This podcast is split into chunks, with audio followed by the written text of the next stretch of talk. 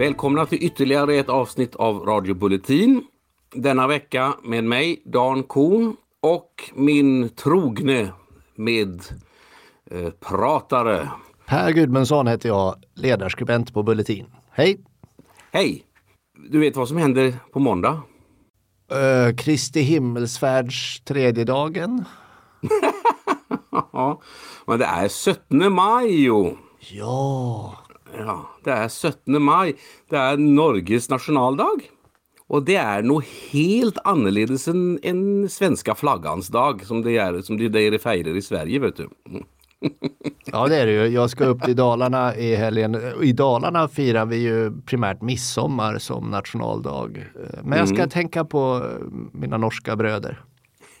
Ja, just det, gör det. Du hörde jag prata lite norska här. Det är så att jag är faktiskt född. Jag är född i Sverige. Men jag är född som norsk medborgare. Jaha. Därför att när min pappa föddes, eller rätt, när, min, när jag föddes, inte min pappa, när jag föddes så var min pappa norsk medborgare. Och medborgarskapet går med, eller gick på den tiden i varje fall alltid med fadern. Man kunde inte ha dubbelt medborgarskap utan det följde fadern. Så även om min mor är svensk och även om jag är född i Sverige så var jag norsk medborgare när jag föddes. Jag har aldrig haft ett norskt pass för att jag bara var några år gammal så eh, fick min pappa en statlig tjänst och på den tiden om man hade statlig tjänst i Sverige så var man tvungen att vara svensk medborgare så var han tvungen att byta men det gjorde han ovill, ovill, ovilligt. För han hade en särskild relation till Norge. Och jag tänkte vi skulle prata om hans relation till Norge och det som är vad säger, den norske nationalismen den norska nationalkänslan som är lite annorlunda än den svenska. Jag tror att du som dalkar, du känner igen mycket av det här för att i Dalarna har ni mycket av den här eh, lite eh, mera stolta eh, inställningen till det egna, till den egna identiteten. ja, den är så stolt så att den gränsar till inskränkthet skulle jag vilja påstå i Dalarna. Ja. I Dalarna är det ju så att man, att man gärna utgår från att Dalarna är världens centrum. Men, men, men det är sant, vi skäms inte för att vifta med, med flaggan, det gör vi inte. Nej. Har ni någon flagga i Dalarna? Ja, ja det är de korslagda pilarna eh, och pilarna ja, mm. kommer ju som vapen utifrån ja, det var ju de pansarbrytande skotten förr i tiden när eh, bondebefolkningen och dess härar stod mot eh, ja, riddare eller eh, bepansrade eh, hästburna eh, feodallakejer helt enkelt. Så att det var den fysiska gränsen mot feodalväldet. Ska man väl säga att det symboliserar de där pilarna. Aha, just det. Och för att i Dalarna har ni aldrig haft något, något som ens har liknat feodal Nej, verkligen inte. Mm. Vad man säger, inga grevar norr om Dalälven. Stämmer gott. Mm. Uh, men du, Norge. Mm. Hur kom din farsa dit? Min pappa kom till Norge 1938. Eh, och det var så här. Det fanns, eh, min pappa var ju född i Wien i, i, i Österrike. Och du vet att på våren 1938 så marscherade eh, tyska eh, trupper in i Wien, och det, eh, eller ja i Wien och Österrike blev en del av det, av det tyska riket. Det var ju Anschluss kallas det. An, och den sommaren så organiserades ett läger för judiska barn i Norge. Och eh, varifrån idén, ja, idén till detta läget verkar ha kommit från Fritjof Nansen, den berömde uppsexresandens son, Odd Nansen. Som helt enkelt insåg vad som höll på att hända och ville rädda judiska barn undan den förintelse som han tidigare än många andra insåg skulle komma. Och då försökte han med sitt eget hemland Norge. Norge sa ja till att ta emot 20 barn och det finns ett brev i, den norska, i det norska utrikesministeriet där en av dess medarbetare eh, skriver mycket skarpt och vänder sig mot den här idén. Jag ställer mig mö, meget eh, jag kommer inte ihåg vad han sa, jag gick namnet Han var väldigt kritisk att man skulle just ta hand om barn. Därför att barnen har en förmåga att anpassa sig. Och de här barnen kommer att bli norska. Och då blir vi inte kvitt dem, skriver han. Mm. Ja. Denna man med en sådan ovänlig attityd till 20 barn eh, kan man tänka sig han skulle gå in full hals i eh, den, det när, under det tyska styret eh, när Norge blev ockuperat. två år senare. Men det gjorde han inte. Han var så envist norsk patriot så att han hamnade faktiskt i koncentrationslägret Grini utanför Oslo istället. Men min pappa kom till Norge då i den här gruppen med 20 barn. Det var avsett att det skulle vara bara ett, ett läger för sommaren men tydligen så visste alla inblandade, inte föräldrarna men de som har arrangerat att detta var inte tänkt att de skulle åka tillbaka på hösten för att de skulle stanna tills vidare i Norge. Och då när hösten kom och, och eh, de hade varit i en stuga utanför Oslo eh, eh, som, på sommarläger så blev de istället placerade hos fosterfamiljer i eh, Oslo, hos jud, judiska familjer i Oslo. För de flesta av de här barnen så var inte det särskilt lyckad lösning så efter en tid så kom man på att man istället skulle upprätta ett barnhem för dem. Och 1942 eh, när de norska judarna greps eh, av den norska polisen och skickades med båt till eh, Stettin för vidare transport till Auschwitz. Då den natten eh, så gjorde motståndsrörelsen i Norge en särskild insats för att rädda just dessa barn. Så på det viset så eh, de låg i, i, gömda i en villa utanför Oslo ett tag och sen i två olika grupper så tog de sig över gränsen till Sverige genom att gå i åtta timmar i djup snö och sånt där. Då. Så de kom till Sverige men den här, just den här räddningsinsatsen där när de räddades undan under detta, det gjorde att min pappa kände en väldigt, väldigt stark eh, tacksamhet mot Norge och tacksamhet framförallt för den norska patriotismen som tog sig uttryck i då att man räddade honom och de här andra barnen. Jag skulle kunna tänka mig att det hade blivit helt tvärtom. Alltså att det är klart att man förstår ju att i Norge så var det bara en liten, liten spillra av befolkningen som var hängivna nazister. Eh, I Sverige var det ju aldrig mer än någon procent eh, till exempel och det var väl inte större, eh, mer utbrett i Norge. Men under en ockupation när hela vad ska man säga, statsförvaltningen ändå ställs i ockupationsmaktens tjänst så skulle det ju inte vara märkligt om man utvecklade en viss bitterhet gentemot varenda polis, brandman, eh, centralbyråkrat som eh, så att säga Eh, deltog. Eh, även om det bara var för att hålla ordning och reda så att säga i landet. Ja, men det, det, det, det fanns ju anled verkligen anledning att tycka det. Eh, alltså det, det var inte i Norge så var det så att Gestapo gav order om att alla judar skulle vara samlade på en hamnpir i hamnen på morgonen den 26 november 1942. Eh, och det var den norska polisen som såg till att det löstes och det var så minutiöst gjort så att den norska polisen för att kunna organisera detta ville att eh, man skulle ta till, ett, ett, ett, använda då gymnastikhallar i skolor och liknande för att kunna härbärgera eh, judar från, från landsbygden som skulle ta till Oslo så att de alla skulle ha på plats för att kunna... Och då så svarade Gestapo att eh, nej, det får ni se till så att alla anländer i rätt tid.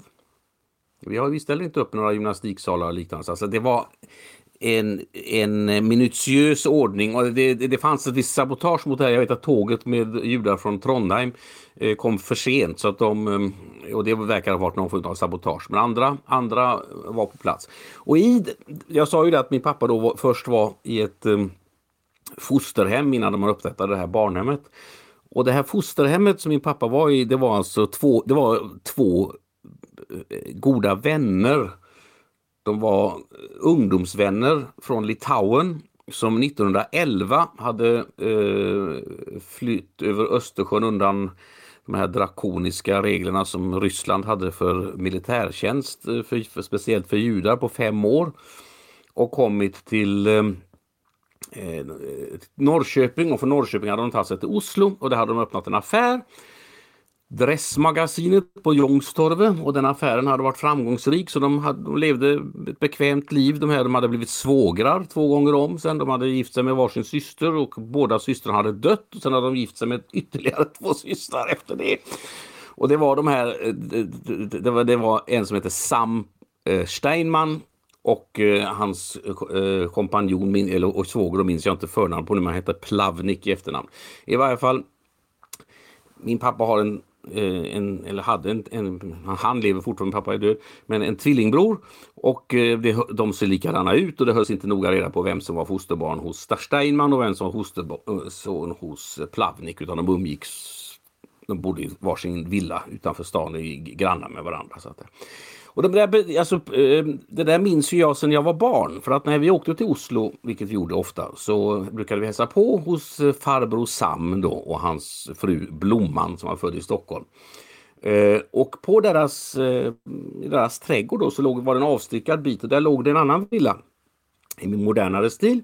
Och där bodde då eh, Sams son som hette Sammy. Att de hade nästan identiska namn berodde på att den ena egentligen hette Samuel och den andra egentligen hette Salomon. Eh, men han, den här Sammy han var liksom sådär mer en dandy, alltid väldigt elegant klädd, lite sådär eh, playboy-stil. Men jag vet att jag kommer ihåg från min barndom en gång att min pappa tog eh, hans fru Bodil till sidan en gång och så sa han, han hur är det med eh, Sammy? Och då sa hon att ja, ja, det är väl ganska bra, sa hon, men på natten ofta så vaknar han ju och skriker i panik och sånt där så det är inte så roligt, sa hon. Och jag som barn kunde inte fatta varför en vuxen kar som dessutom såg ut som han var väldigt självsäker och sådär livet lekte med honom skulle vakna mitt i natten och gråta och, och skrika på det där viset. Men Idag vet jag ju det jag inte visste som barn och det var ju att, att um, han var en av de få norska judarna som hade överlevt den här transporten den 26 november från, uh, från eh, Norge till, till uh, Stettin och sedan med tåg till, till ehm, Auschwitz. Där innan kvällen kom nästan alla norska judar som var med i den här transporten var ihjälgasade. Men han var en av de få som gick igenom detta och som återkom till Norge efter kriget och han var den sista levande av de här eh, norska judarna som hade gått igenom eh, hela den här dödsmaskineriet. Han dog för några år sedan. Och det finns en, eh, om man går in på NRK, deras norska tv-bolaget alltså, om man går in på deras eh, hemsida så finns det en film, en dokumentärfilm som ligger där som man kan se även i Sverige som heter Tricken till Auschwitz. Och den, alltså tricken det är ju spårvagn på, på, på norska. Han berättar där i den här filmen, eh, en, intervju med, en lång intervju med honom, ett reportage om honom. Där berättar han ju då att det första som hände där redan den 26 oktober i hans fall var att två poliser kom hem till honom där han tillfälligt bodde och sa att han skulle följa med och så tog de spårvagnen ifrån Norstrand då utanför Oslo, den här fina villorna låg, in till stan och där på eh, järnvägsstationen så mötte han, då upp en massa andra judar och de blev då förda till ett koncentrationsläger i Norge som heter Berg där de vuxna norska judiska männen var en månad innan den här eh, deportationen ordnades då.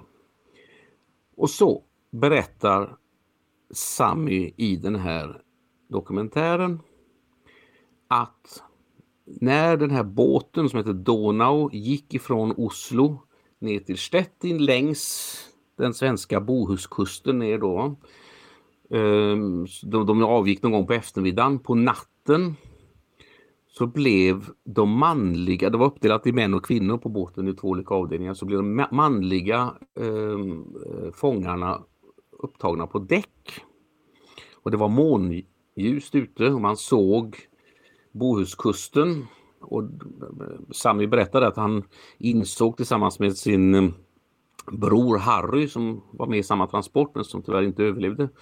Ehm, att ehm, det verkar som vi är på väg söderut. Man hade, hade trott att man skulle skickas norrut till någon sorts arbetsläger uppe i Nordnorge och sånt där men de insåg att vi är på väg ner till, till eh, Polen och folk visste redan vad det innebar på den här, den här tidpunkten. Men då kom det ut en, då, då blev det också uppkallat där en kvinna en ung, eh, eh hon var i 20-årsåldern, Marie Sachnovitz. Hon hade varit eh, eh, hon hade vunnit sån här skönhetstävling eh, i Larvik. Hon kallas för Larviksprinsessan. Och hon var, var sån här revyskådespelerska. Hon sjöng då en sång som passade väldigt bra. Det var alltså månljust och det var på mitt i natten och då sjöng hon en, en, en sång ur en ehm, ur en eh, dansk eh, revy från 1939 som heter Leve de nordiske piger. Och ehm, ehm, eh, den där ehm, Eh, den där biten tycker jag, låten tycker jag vi ska höra på. Den heter Månestrålen och det, givetvis så finns det ingen inspelning från den här Marie Sachnowitz sjöng det på däcket där men det finns en inspelning när eh, stjärnan i den här revyn 1939 sjunger den och det var inte mindre än Tutta Rolf, Ernst Rolf. Eh, men hon var väl norska eller halvnorska? Hon var eh, norska, ja just det. Så här, så här lät hon.